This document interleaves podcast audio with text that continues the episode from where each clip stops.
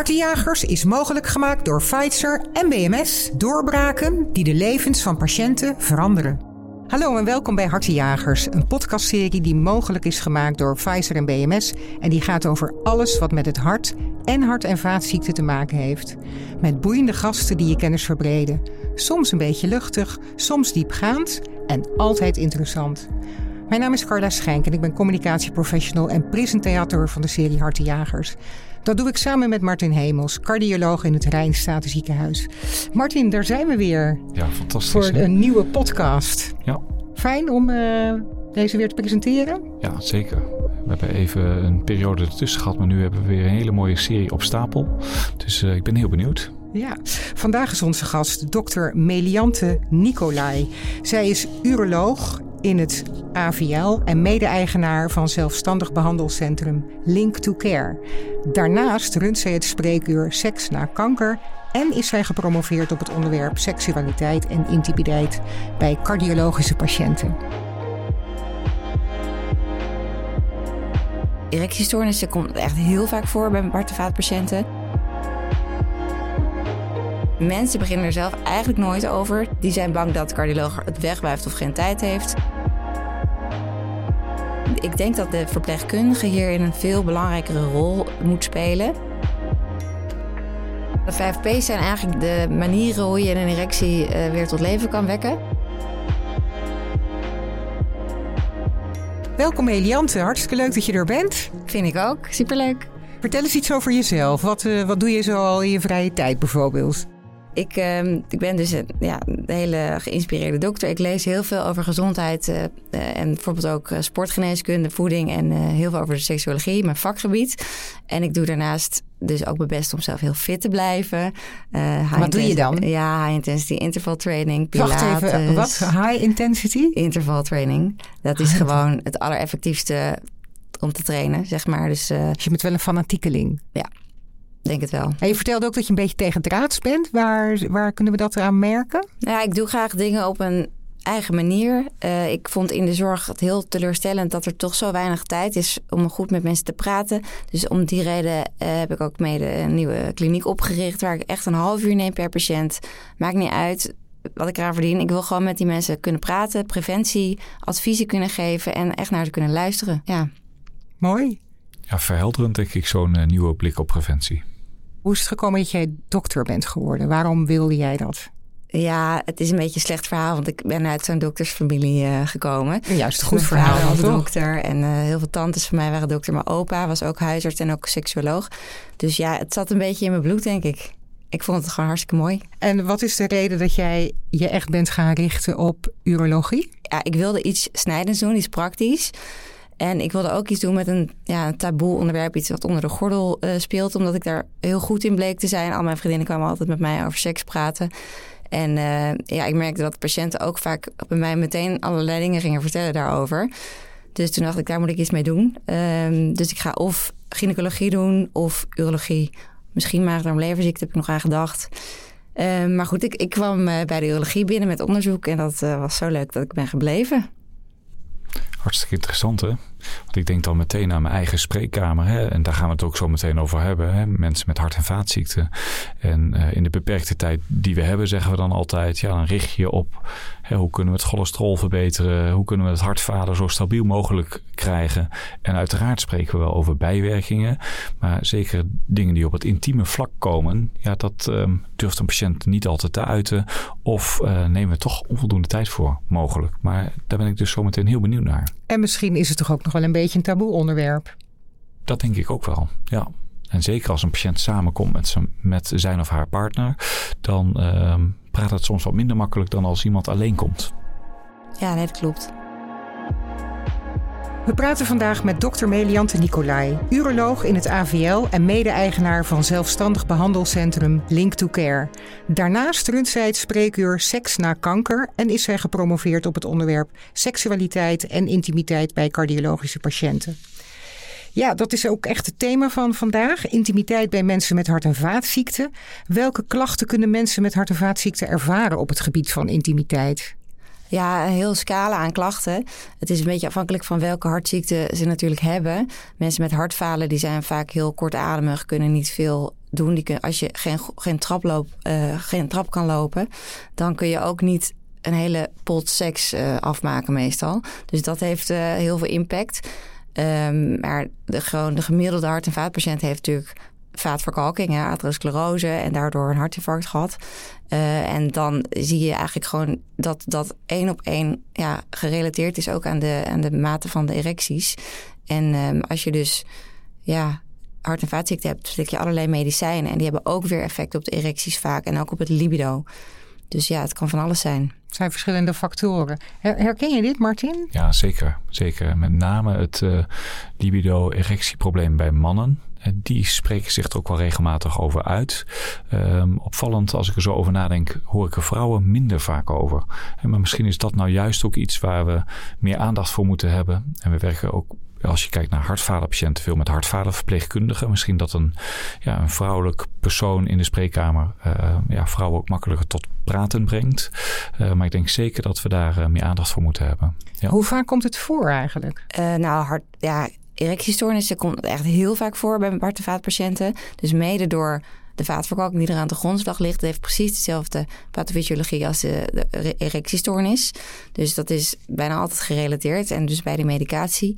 Um, ja, we weten dat bij daarna hetzelfde is als de leeftijd. Dus als je 50 bent, 50% kans op een erectiestoornis.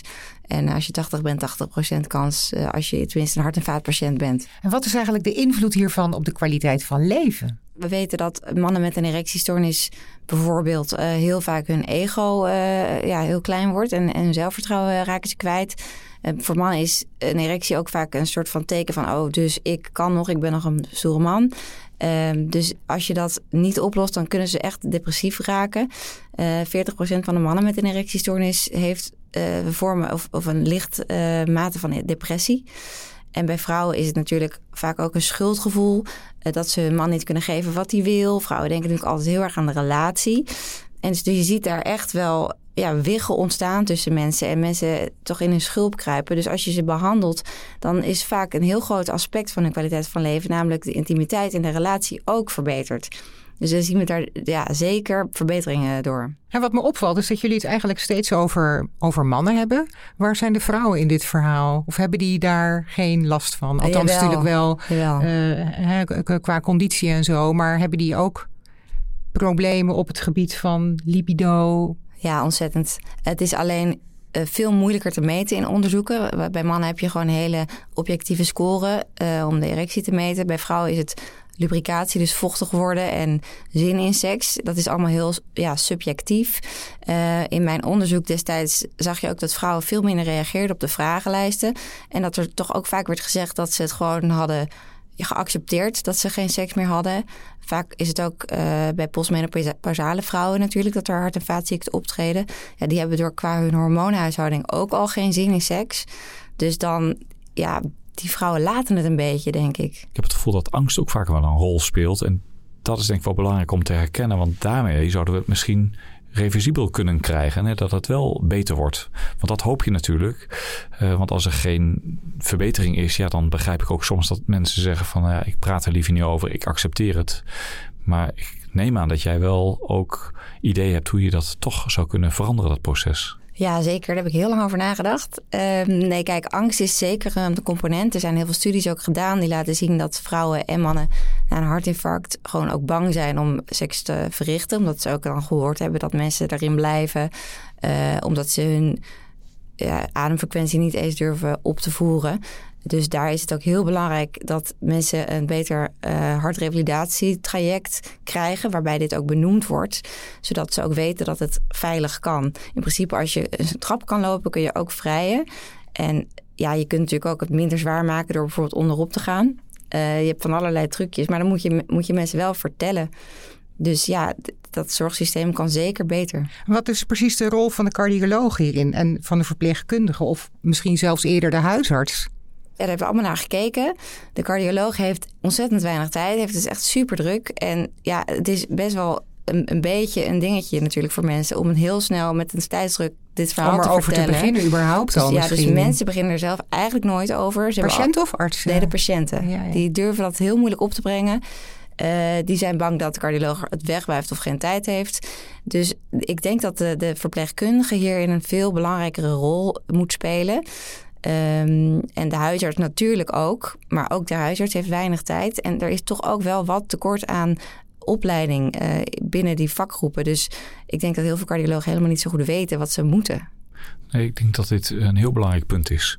En wat ons mogelijk kan helpen, de, de zorg wordt steeds digitaler. Dus wat wij ook nu vooraf aan een poliobezoek doen, is vragen of de patiënt specifieke dingen wil bespreken. Uh, alvast vragen op papier zet.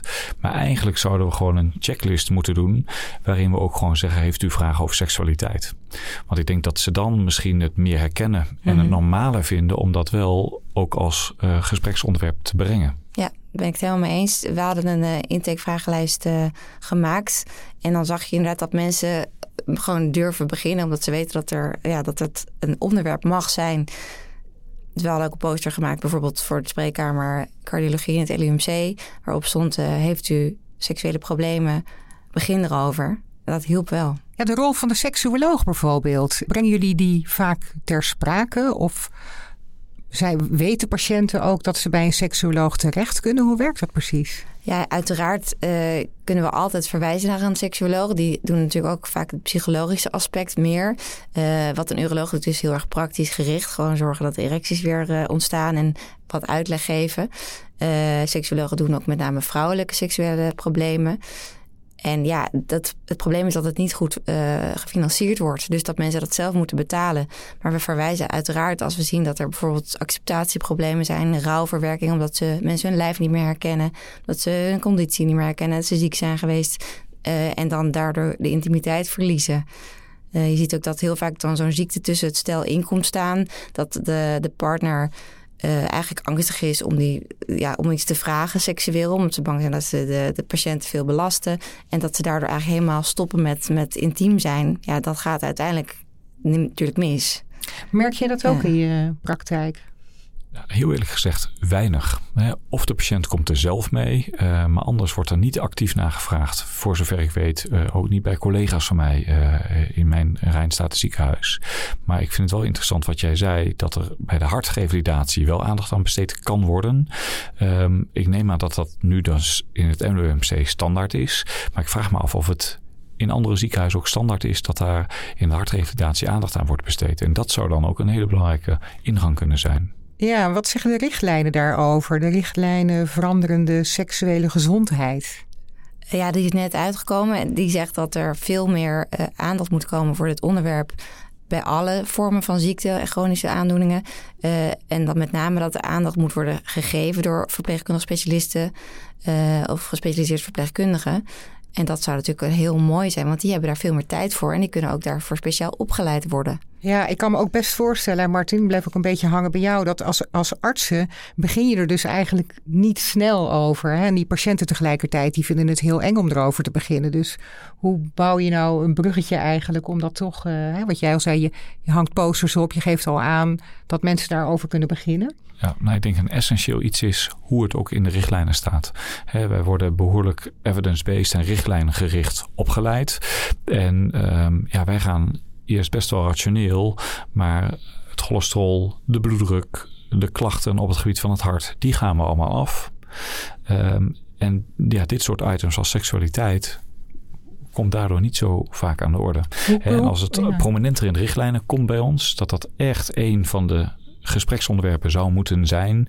En hetzelfde geldt denk ik voor de NAG-standaard, chronische pijn of de borst of hartfalen. Ja, dan gaat dat ook meer aandacht krijgen. Daar ben ik van overtuigd. Want het is geen onwil van onze kant. Maar het is misschien ook een beetje onbekend, maar onbemind. We kennen allemaal wel de bijwerkingen. Dus we vragen ook wel naar bijwerkingen van medicijnen. Van vermoeidheid tot eh, impotentieklachten. Maar echter directe link verder naar seksualiteit en hart- en, en vaatziekten doen we te weinig. Omdat de richtlijn daar ook, de specifieke cardiologische richtlijn, daar weinig aandacht aan besteedt. Misschien is het ook een beetje on, het ongemakkelijk om erover te beginnen. Meliante, hoe zou je zo'n gesprek als arts nou kunnen beginnen?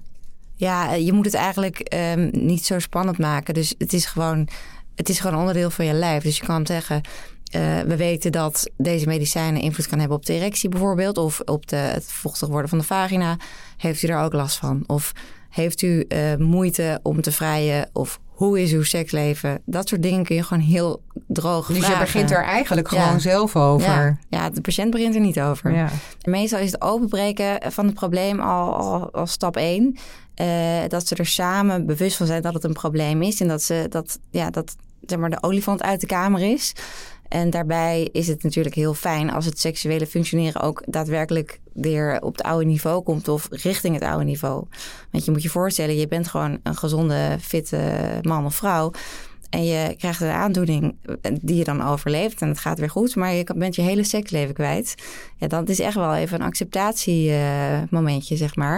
En dat kan heel lang duren en dat verandert je relatie. Dus dit is echt wel een belangrijk punt.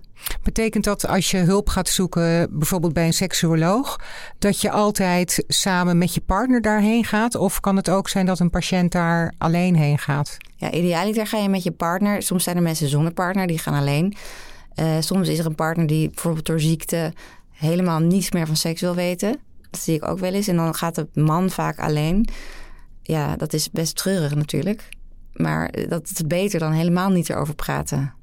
En om over die richtlijnen nog even in te haken.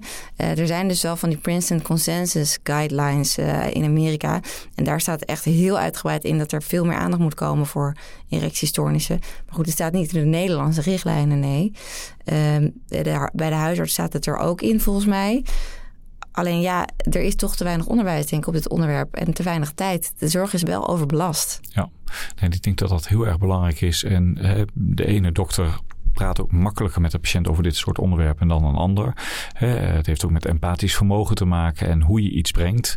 En ik denk zeker dat daar ook in uh, scholing, training uh, aandacht aan zou moeten zijn. Ja. Ja. ja, jullie noemen allebei tijd, hè, wat natuurlijk uh, als een, ja, toch wel een beetje een barrière is voor, voor cardiologen om daarover te beginnen. Aan de andere kant kan ik me voorstellen dat als een patiënt erover begint en hulp nodig heeft, dat je die doorverwijst naar een verpleegkundige of naar inderdaad een, een seksuoloog. En daar heb je in feite één zinnetje de tijd voor nodig, of twee zinnetjes.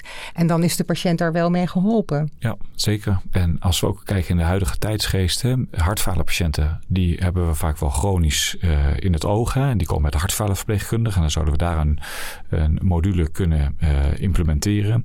Als we kijken naar de patiënten die een hartinfarct hebben ondergaan, die ook vaak wel medicatie slikken, die uh, invloed daarop hebben, maar door hun atherosclerose, wat je zei, ook uh, seksuele problemen zouden kunnen hebben. Ja, dat is ook een belangrijk om daar ook met de huisarts uh, goede ja, kennisdeling over te doen. En dat het daar ook prominent erin komt. Want het is vaak de praktijkverpleegkundige die de patiënt na een klein hartinfarct in de eerste lijn vaak op gaat volgen. Die zijn hooguit een half jaar tot een jaar bij ons in zicht in de tweede lijn. Dus ik denk dat het gewoon ja, dan breder opgepakt moet worden. Wat kunnen patiënten zelf eigenlijk doen? Ja, dat is eigenlijk het allerbelangrijkste. Het is gewoon echt zo dat een, een erectiestoornis is een voorbode van hart- en vaatziekten. We weten dat bij 70% van de mensen die een hartinfarct krijgt, drie jaar daarvoor de eerste erectiestoornis optrad. En dat is dus gewoon omdat die vaatjes in de penis nog veel kleiner zijn dan die in het hart. Dus ja, mensen moeten veel meer aandacht besteden aan hun eigen vaatgezondheid. Dus daar ben ik nogal, uh, daar zit ik eigenlijk bovenop. Um, want ja, je kunt dus niet het allemaal aan de dokter uh, overlaten. Je moet zelf zorgen dat je gezond eet, uh, veel sport, niet rookt en, en ook genoeg ontspanning hebt. Want anders krijg je en een erectiestoornis en een hartinfarct. Ja. Dit is ook alweer interessant, hè? want nu gaat het ook een beetje over dat uh, seksuele stoornissen kunnen voorspellen in het optreden van hart- en vaatziekten. Um, dat heeft twee kanten. Aan de ene kant de patiënt informeren is ontzettend belangrijk. Aan de andere kant moeten we natuurlijk ook niet angst creëren. Het kan natuurlijk ook de andere kant opslaan. Dat een patiënt uh, zich enorme zorgen gaat maken dat hij een hartinfarct gaat krijgen. Dus die heeft dan in één keer twee problemen. Op het moment dat hij erectiestoornis ja. heeft meteen denkt, oh jee. Uh, ja, je moet natuurlijk uitsluiten dat het een psychologische factor is of ja. een, een neurologische aandoening. Maar als een patiënt bij de huisarts zich meldt met een erectiestoornis en er is een heleboel cardiovasculair mis of risicofactoren zijn hoog, ja, dan moet je ze eigenlijk gewoon goed nakijken of naar de cardioloog sturen. Ja, je hebt natuurlijk ook erectiepillen, hè? een hele bekende daarvan. Die is natuurlijk oorspronkelijk ontwikkeld om angina pectoris te behandelen. Dus super bijzonder eigenlijk dat dat uh, later een erectiepil is geworden. Ja, zijn er nog meer middelen voor patiënten om te gebruiken? Zeker. Er is een heel uh, soort groepje PDF5-remmers die dus de, ja, de, de instroom van uh, nitraatoxide in de peniele arterie bevordert. Waardoor dus gewoon veel stevige erecties worden. Ehm, en je hebt daarnaast ook een aantal ondersteunende middelen, voedingssupplementen, waarvan ja, er zit geen pharma achter, maar er zijn echt wel bewezen effecten. Dus ik geef soms ook gewoon iets van de tuinen extra. Meliant, ik heb jou ook eerder gesproken over de 5 P's. Kun je nog even uitleggen wat dat precies is? Ja, de 5 P's zijn eigenlijk de, de manieren hoe je een erectie uh, weer tot leven kan wekken. Um, Klinkt wel heel dramatisch. ja, nee, het is de, de P van praten ten eerste. Want heel vaak zit er natuurlijk ook een psychisch probleem of uh, prestatiedruk. Praten met wie? Wat, wat bedoel je dan? Met de patiënt. Uh, om dus de angels eruit te halen en ook de, de intimiteit even te bekijken hoe dat gaat in een relatie. Want dat kan natuurlijk ook een ja, belemmerende factor zijn. Ehm, dan heb je nog de pillen, dus de, de Viagra en de Viagra-achtige middelen. Uh, de pomp, de vacuümpomp, waarbij je dus met een soort koker een erectie opwekt door vacuüm uh, te zuigen. Dan kan je er een ring bij doen en dan blijft die erectie ook staan. En dan heb je nog de prikken, de andere P. dus dan geef je vaatverwijdend middel direct in de penis. Het, voor iedereen werkt dat eigenlijk. Um, en patiënten kunnen dat zelf doen? Ja, moeten ze zelf leren bij een verpleegkundig specialist, bij de urologie. En dan leren ze dat. En dan kunnen ze ook zelf de dosis uh, ophogen zo nodig. En dan kun je, als je dus wel lichamen goed onderhouden hebt. Dus als je niet al drie jaar een erectiestoornis hebt. Maar bijvoorbeeld pas een half jaar. Dan kun je daar heel goed uh, erecties mee opwekken. En dan heb je ook nog de prothese. Dus die kan je implanteren. Maar dat is echt het allerlaatste redmiddel natuurlijk. Dan moet je echt een operatie ondergaan. En dan worden er kunstmatige zwellichamen in je penis gedaan. Martin, zijn dit voor jou de vijf P's? Zijn dat, is dat bekend, uh, bekend terrein voor jou? Nee, ik leer heel veel van. Ik dacht zelfs nog dat misschien de partnerruil, maar dat is misschien ook niet de beste oplossing. Partnerruil? Uh, ja. dat weet ik niet, Mediante. Ja, nee? Niet bij. nee. Oké. Okay. Dat was wel een goede geweest, ja. Nou, het wordt in de praktijk volgens mij wel eens toegepast. Maar of dat dan uiteindelijk goed afloopt met de relatie, dat vraag ik me af. Artsen werken daar zelf niet aan mee. Uh, ik niet in ieder geval. Nee laat ik me daarover uh, op de vlakte houden uh, wat betreft de medisch specialisten. Maar uh, nee, om terug te komen op het onderwerp. Eh, ik denk dat het ontzettend belangrijk is wat hier genoemd wordt. En ehm, ik denk dat praten moeten we zeker als specialist beter en meer doen. Hè, en als het op de specifieke toepassing gaat, hè, beyond de medicatie. Want we hebben het al gehad over de sildenafil. Dat, dat schrijf ik regelmatig voor als het te sprake komt. want er is ook dan wel vaak de vraag is dat verantwoord? Hè? Dus dan komt die angst ook weer. Hè, mag het wel? Want in de bijsluiter staat ook wel dat je op moet passen als je mhm. bekend bent met hart- en vaatziekten. Um, maar als het om echt specifieke hulpmiddelen gaat, ja, dan moeten we daar denk ik toch eerder naar uh, verwijzen.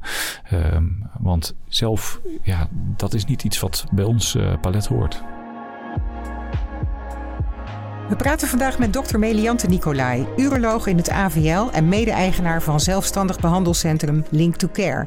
Daarnaast runt zij het spreekuur Seks na kanker en is zij gepromoveerd op het onderwerp seksualiteit en intimiteit bij cardiologische patiënten. Ja, we hebben het net gehad over uh, de vijf P's. Hoe je het te sprake kan brengen en ook verbetering kan uh, brengen op het gebied van seksualiteit.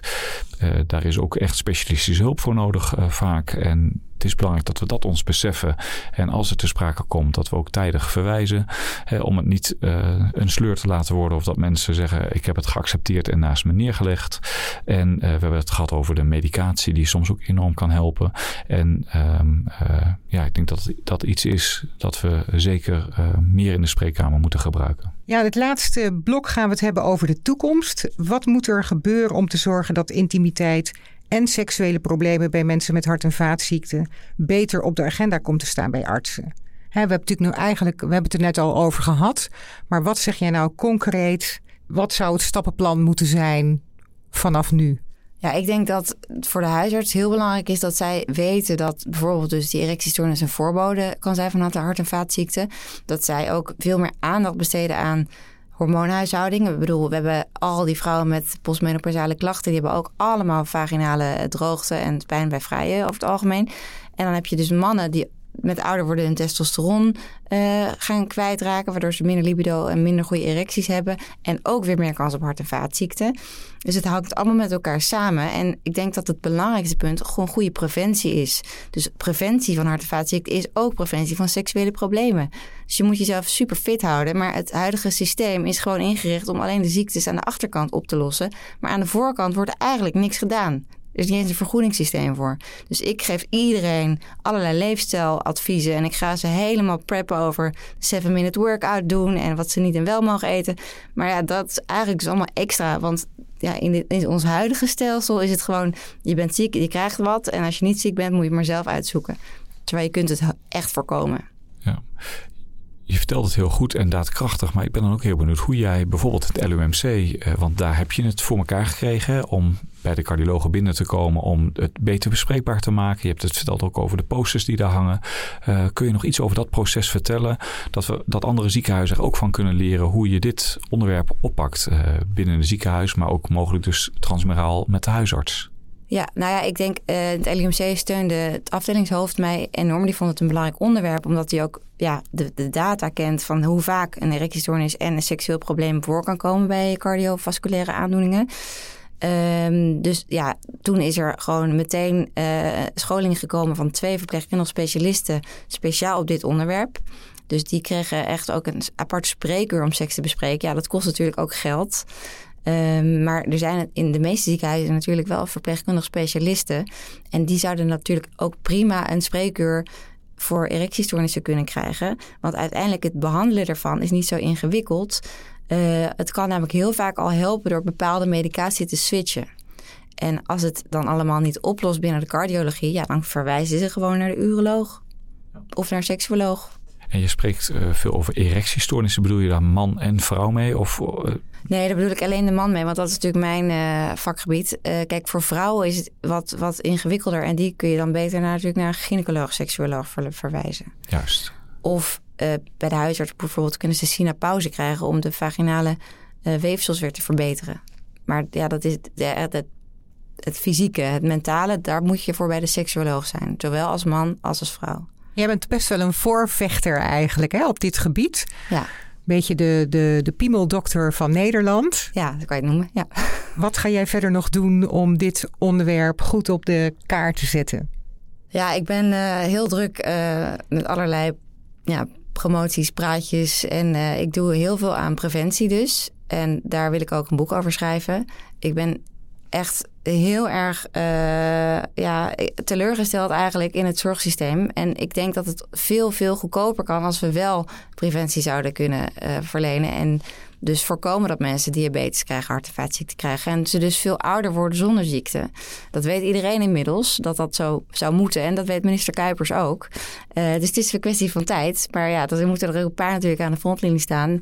Dus ik heb leefstijlgeneeskunde opleiding erbij gedaan. Super interessant. En, en er is heel veel aandacht nu. Hè. Het staat in het regeerakkoord. Hè. Meer aandacht voor preventie, leefstijl. Uh, maar ik denk dat het echt een eye-opener moet zijn. Dat in zo'n checklist uh, ook zeker vragen over seksualiteit uh, komen. omdat dat dus ook een voorbode kan zijn voor hart- en vaatproblemen in de toekomst. En ik denk dat dat een heel belangrijk iets is wat veel mensen niet zo beseffen. Ja, en jij, jij kunt daar heel goed over vertellen. Dank. Hiermee zijn we aan het einde gekomen van onze podcast Hartenjagers. Vandaag ging deze over seksuele problemen bij mensen met hart- en vaatziekten, het bespreekbaar maken ervan in de spreekkamer en over de behandeling. Dankjewel Meliante. Fijn uh, dat je er was en dat je zoveel ja, ons hebt geleerd, denk ik ook. Kijk even met een schuin oog naar Martin. Zeker. Ik heb heel veel bijgeleerd, maar ik denk ook zeker dat uh, als we uh, kijken naar de beroepsgroep cardiologen, dat er nog veel uh, verbeterd kan worden. En dit ga ik zeker meenemen naar het vervolg van mijn praktijk. Mooi zo, dat is de bedoeling. Dankjewel Meliante. Ja, heel graag gedaan. Superleuk. Dankjewel Jordan voor de techniek en de montage. En luisteraars, dankjewel voor het luisteren en tot de volgende keer. Ja, tot de volgende keer. En volg onze jacht naar antwoorden die helpen om hartproblemen te voorkomen en te behandelen.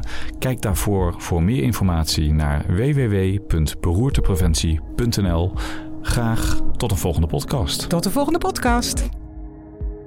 Hartenjagers is mogelijk gemaakt door Pfizer en BMS. Doorbraken die de levens van patiënten veranderen.